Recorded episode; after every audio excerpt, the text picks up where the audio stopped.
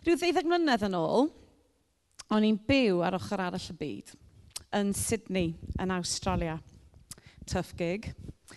Na, o'n i wedi symud yna i astudio'r Beibl, ac roedd y coleg o'n i'n rhan ohono yn rhan o eglwys yr enw Hillsongs. A phan dwi'n dweud eglwys, oedd hi'n fwy fel mega church, a bod yn onest. O'na chwech oedfa ar y safle oedd yn ni ar, pob dydd syl, Ond actually, di ddim yn wir. Ond oedfa o Swener, oedfa o Sadon, a wedyn pedwar ar y disil. So ie, chwech oedfa um, pob pen wythnos. Ond ddim jyst hynna, oeddwn ni jyst ar un safle allan o 29 o safleoedd ar hyd y ddinas. Oedd hi'n eglwys anferth. So, o'n na rhyw 3,000 ohono ni mewn pob cyfarfod yn yr eglwys. Ac eto i gyd, rhywsyd neu gilydd, o'n i medru cerdded i fewn i'r adeilad, oedd pawb fel, o, oh, hiya Sian, gyrau, kind of iaith, ond, you know, hiya, sut wyt ti, kind of thing. A ni'n teimlo fatha mod i'n nabod pawb. Okay? A ni, fel o'n i'n deud, oedd hynna ddeuddeg mlynedd yn ôl, dwi'n nôl ers un o'r ddeg mlynedd, ac um, Ond dwi dal yn mynd i'w gynhadledd blynyddol nhw yn yr O2 yn Llundain. A fedrai gerdded i fewn yr O2 hyd yn oed, a cerdded ar hyd y corridors yna, mae'n fel, sut wyt ti? Mae'n fel, waw, Cos rhywsut neu gilydd, er bod yna gymaint o bobl yn mynychu'r eglwys yna, rhywsut neu gilydd, mi odda ni yn deulu, mi odda ni'n gymuned. Beidiwch yn meddwl os di'r niferoedd yn fawr, da chi'n cael eich colli yn y dorf. Actually, dydy hynny yn wir.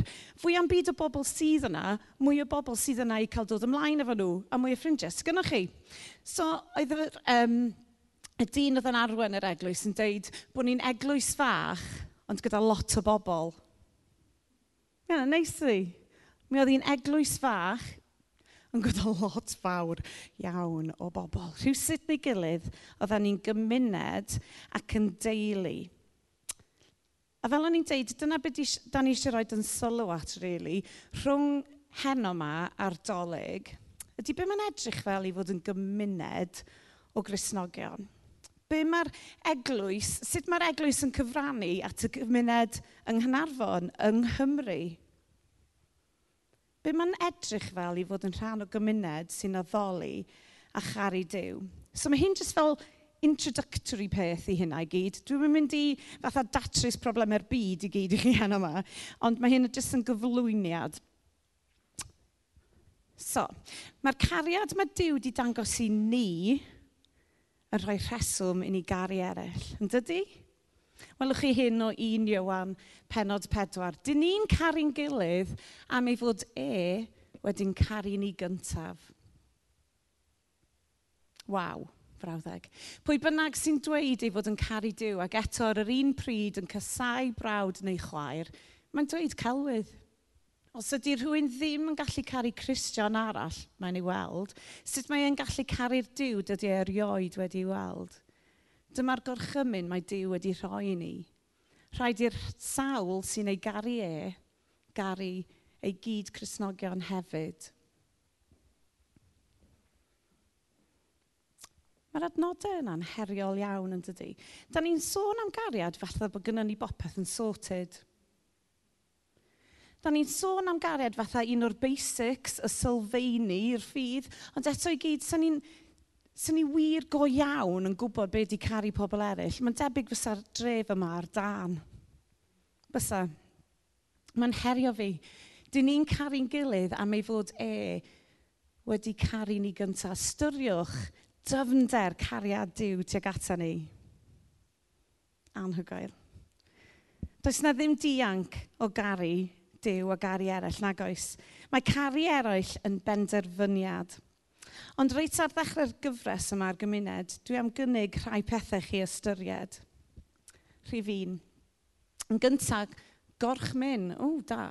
Gorchmyn neu gorchmynion Iesu i ni garu Dyw a charu eraill yn sail i gymuned yn yr eglwys. Dwi'n mynd beth da os di athrawes yn cael gwalles y llafi ar y bod, nag di? gorchmynion Iesu i ni garu Dyw a charu eraill yn sail i gymuned yn yr eglwys. Fe'n creuwyd ni gyda dau pwrpas mewn golwg, sef i garu Dyw a charu eraill. Cariad a pherthyn sydd wrth raidd pob cymuned. Ac mae hynna'n sicr wrth raidd y gymuned grisnogol.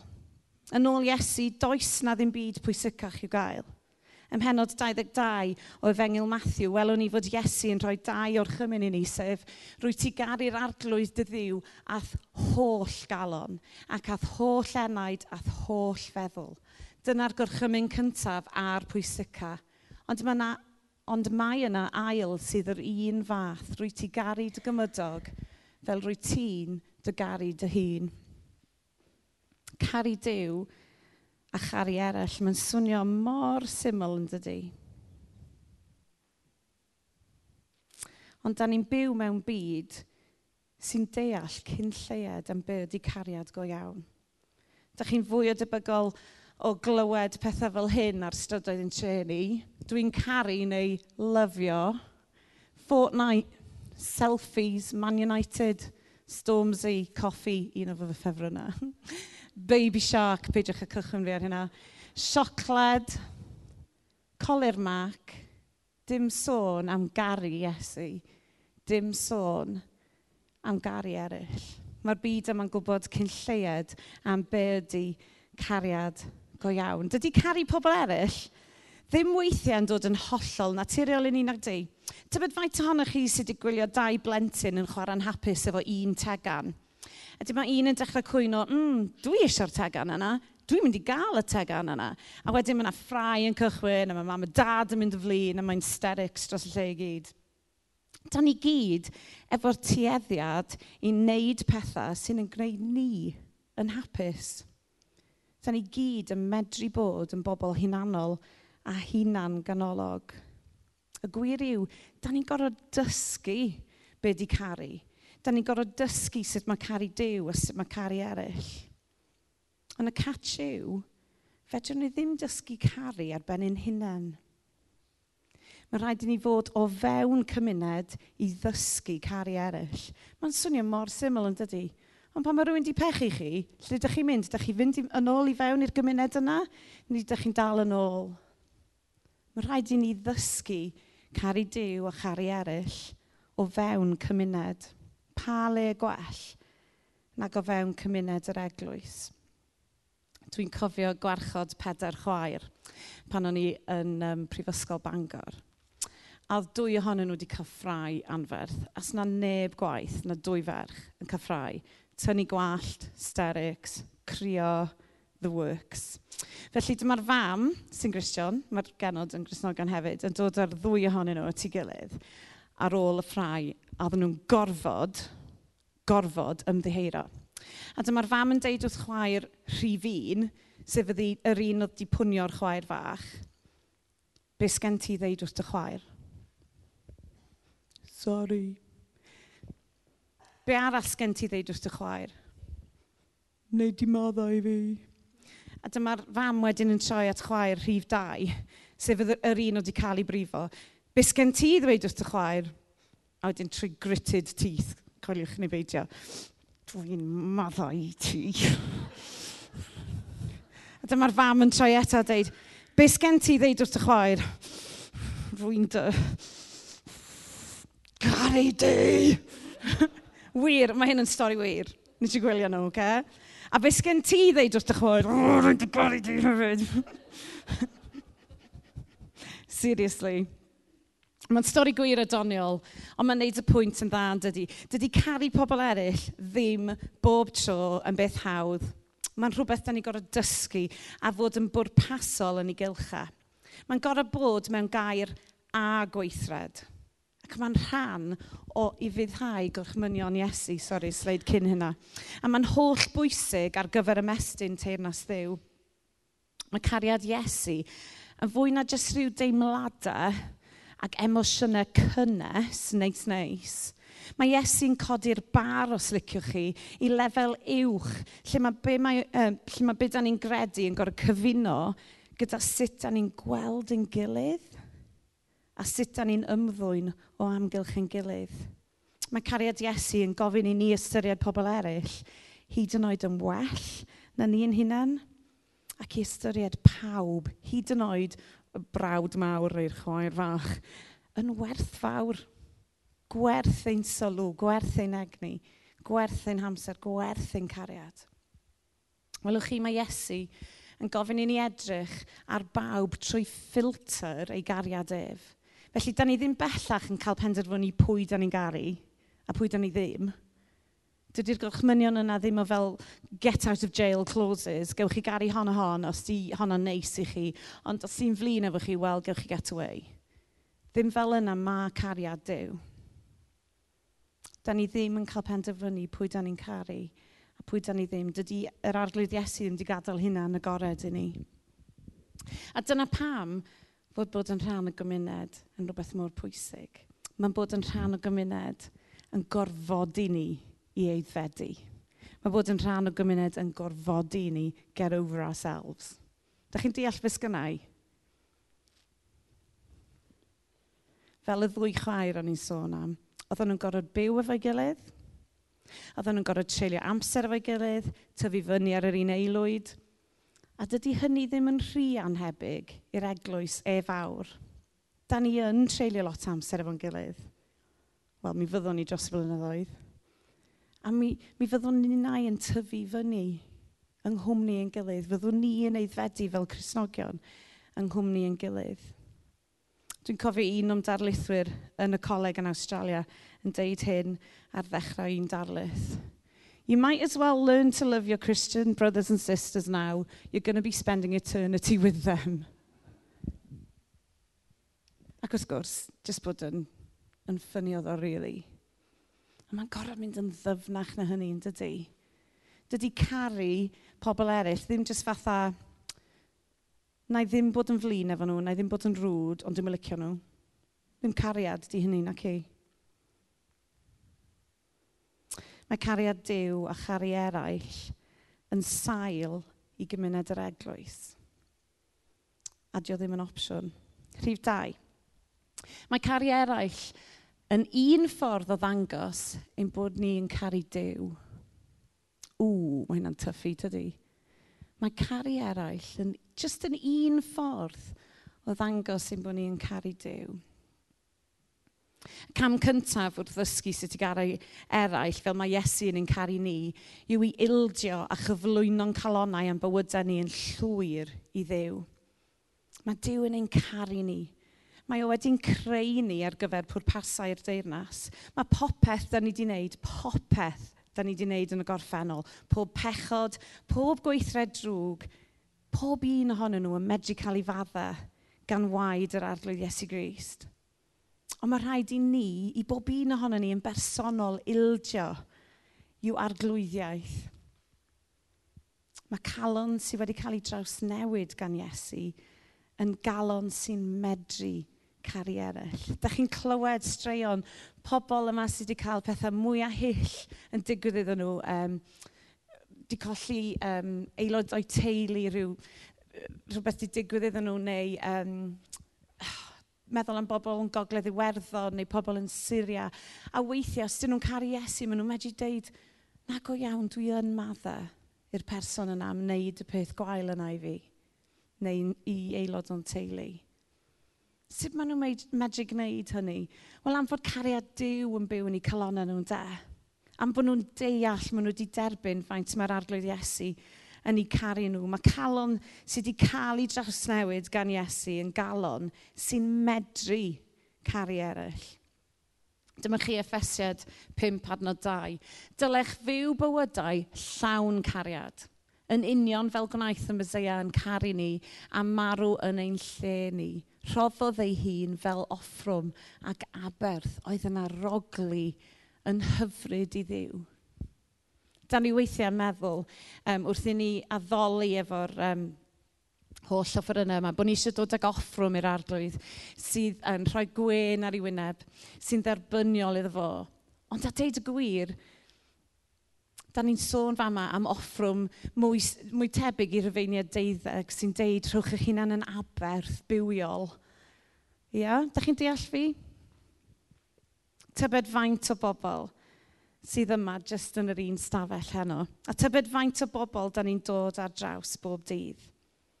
Dwi'n athrawes, felly mae rai mod i'n dod ar draws gannoedd o bobl pob dydd yn fy ngwaith. I mean, jyst gweithio allan – gynnau pimp gwers y dydd o ryw 30, so mae rhaid bod fi'n dysgu 150 y dydd. Mae gen i gannoedd o gyfleoedd i ddylanwadu eraill trwy ddangos cariad Dyw yn does. Tybed faint o bobl dych chi'n dod ar ei traws? So ni'n tybio rhwng, rhwng ni gyd bod ni'n dod ar draws filoedd o bobl yr wythnos, yn tesgo, yn cael coffi, yn ein clybiau ni, yn ein eglwys ni. A mae hyn yn golygu bod hi'n dylanwad ni fel Cresnogion yn mynd llawer ymhellach na just yr ystafell yma, dydy? Mae'r cariad yna'n mynd i'r gweithle, mae o'n mynd i'r cartrefi, mae o'n mynd allan at bawb da ni mewn cysylltiad â nhw. Mae'r byd yn gwylio ni Cresnogion ac maen nhw'n edrych i weld os da ni'n caru'n gilydd. Bechod felly, fod Cresnogion weithiau yn fwy enwog am beth da ni yn ei erbyn – yn lle bydda ni o blaid. Gynnau ffrind sy'n newydd ymddeol. Lwcus. Ac um, oedden ni am fynd am rhyw bryd o fwyd, criw ohono ni ffrindiau dros yr haf. Just i fatha, cofnodi'r peth, dathlu. A um, fel rhyw act of rebellion mae rhaid, nath o ymddeol, a mi nath o gael tattoo. Midlife crisis. Ac um, er, sgan i ddim opinion really ar tatŵs, sgan i'm otch beth mae pobl yn neud efo, efo hunain fath o beth. Ond oedd o wedi gwisgo llewis hir i'r pryd o fwyd, fel na fyswn i'n gweld, cos oedd o ddim eisiau pechu fi. Cos oedd o'n meddwl sy'n un i farnu fo. A nes i mond ffindio hyn allan gyn un o'r pobl eraill oedd yna ar y pryd o fwyd. A nath hynna dorri'n nghalon ni. Nath dorri'n nghalon ni i feddwl sa rhywun yn meddwl sy'n ni'n medru barnu nhw am bod nhw wedi cael tatŵ. Much gyna I? A mi nath yna dod i'n nghalon ni. Tybed, di'r pobl sy'n yn gweithle ni neu rhai o ffrindiau ni yn meddwl nawn ni farnu nhw am bod ni ddim cweith yr un peth. Sa hynna'n torri'ch calon chi fysa?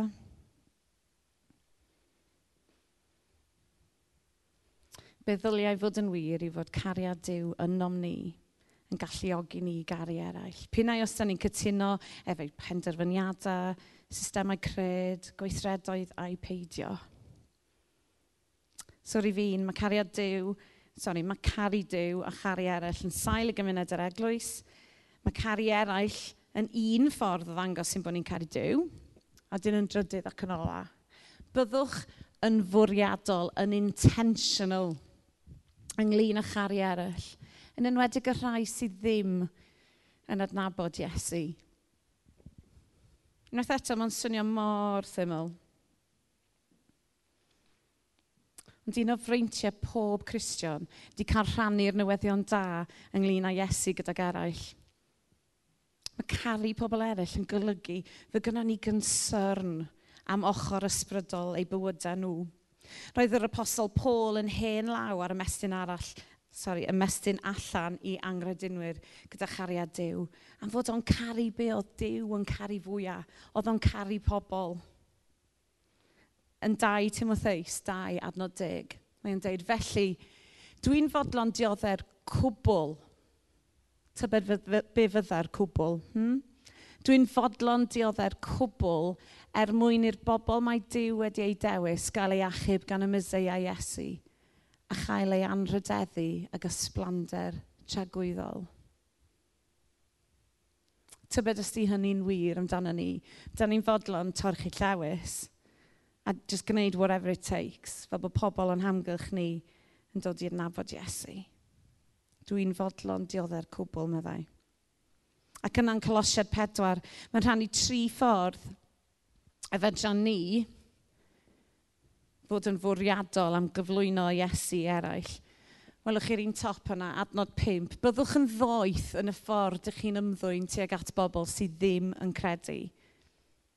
Hynny'n golygu, da ni'n gorfod bod mor ofalus tydyn, tydan bod ni'n ymddwyn ac yn trin pobl efo parch a chariad. Am fod pob dim da ni'n neud yn tystio bod ni'n rhan o deulu diw. A wedyn yn ail mae o'n dweud, manteisiwch ar bob cyfle gewch chi i rannu gyda nhw, rhannu bywyd, caru nhw, bod yn, bod yn hael efo nhw, yn garedig, yn drygarog. Ond er mwyn manteisio ar y cyfle i rannu gyda pobl, rhaid i ni gyntaf fod yn ymwybodol bod yna gyfleoedd, does? Beth am gychwyn bob dydd efo'r weddi? Iesu, helpa fi helpa fi heddiw yma i wneud yn fawr o bob cyfle. Helpa fi rannu gair o anogaeth efo rhywun heddiw yma. A dyn yn ola, welwch chi, byddwch yn serchog wrth siarad o nhw a pheidio bod yn ddiflas. Dwi'n caru ffordd mae um, mae'r Beibl yn dweud yna, just peidiwch bod yn miserable Christians, ie? Yeah? Da ni wedi'n argyhoeddi'n llwyr, do fod y newyddion da yn wir a fod hyn yn gweithio, mae'n berthnasol ein bywydau ni. Mae'n mor tempting i feddwl, dydy, pan da ni wedi cael yn argyhoeddi. Da ni mond y gorfod stwffio fo i lawr um, gyddfa pawb, a fyddan nhw'n derbyn beth da ni ddeud, a meddwl, o oh, ie, yeah, mm, mae honna, yeah, mae'n mae, mae wir, mae'n gwybod i phethau hi. Ond dwi'n nabod llawer o bobl sydd wedi troi at Iesu am bod rhywun wedi gwneud y preachy-preachy. Ond dwi yn gwybod am bobl sydd wedi dod yn grisnogion am bod nhw wedi cael eu caru i fewn i'r deyrnas. Yn Saesneg mae'n dweud, the kindness of God leads us to repentance. Be am the kindness of others? Dwi yn gwybod am nifer sydd wedi dod i nabod Iesu trwy glywed yr efengil wedi ei lapio mewn caredigrwydd a chariad. Felly, i grynhoi, mae cariad Dyw a chari eraill yn sail i gymuned yr eglwys. Ail, mae cari eraill yn un ffordd o ddangos bod ni yn cari Dyw. Trydydd, byddwch yn fwriadol ynglyn â chari eraill, yn enwedig y rhai sydd ddim yn adnabod Iesu. Cariad at Iesu a chariad at eraill sydd wrth raidd y gymuned fyddwn ni'n trafod. Mi fyddwn ni yng Nghaer Salem yn edrych ar hyn yn fwy wrth i dymor mynd yn ei flaen. Dwi jyst eisiau gorffen efo jyst rhai adnodau allan o Iowan 4, sori, un Iowan 4, ddim Iowan. Un Iowan. Ffrindiau anwyl, a jyst gadewch chi hyn fath o suddo'n ddofn i fewn i chi, cos mae hyn yn heriol. Ffrindiau anwyl, gadewch chi ni garu'n gilydd am fod cariad yn dod o ddiwrth ddiw. Mae pawb sy'n caru fel hyn wedi ei enni'n blentyn i ddiw ac yn nabod diw. Os ydy'r cariad hwn ddim gan rhywun, dydy'r person hwnnw ddim yn nabod diw chwaith. A mae cariad ydy diw. Dyma sut wnaeth diw ddangos ei gariad ata ni anfonodd ei unig fab i'r byd, er mwyn i ni gael bywyd drwyddo. Dyma beth ydy cariad. Dim y ffaith ein bod ni'n caru Dyw, ond y ffaith ei fod e wedi'n caru ni ac anfon i fab yn aberth oedd yn gwneud iawn am ein pechoda ni. Ffrindiau annwyl, Os ydy Dyw wedi'n caru ni gymaint â hyn, dylen ninnau hefyd caru'n gilydd. Does neb erioed wedi gweld Dyw, ond os ydym ni'n caru'n gilydd, mae Dyw yn byw yno ni, ac mae ei gariad yn dod yn real yn ein bywydau ni. Beth am wneud y penderfyniad heno? Y byddwch chi yn fodlon ildio unwaith eto i gariad ac arglwyddiaeth Iesu Grist a gofyn iddo lenwi chi efo'r ysbryd glân i'ch arfogi chi a'ch galluogi chi i garu eich cymuned fel mae Iesu yn ei caru nhw. Amen. Amen.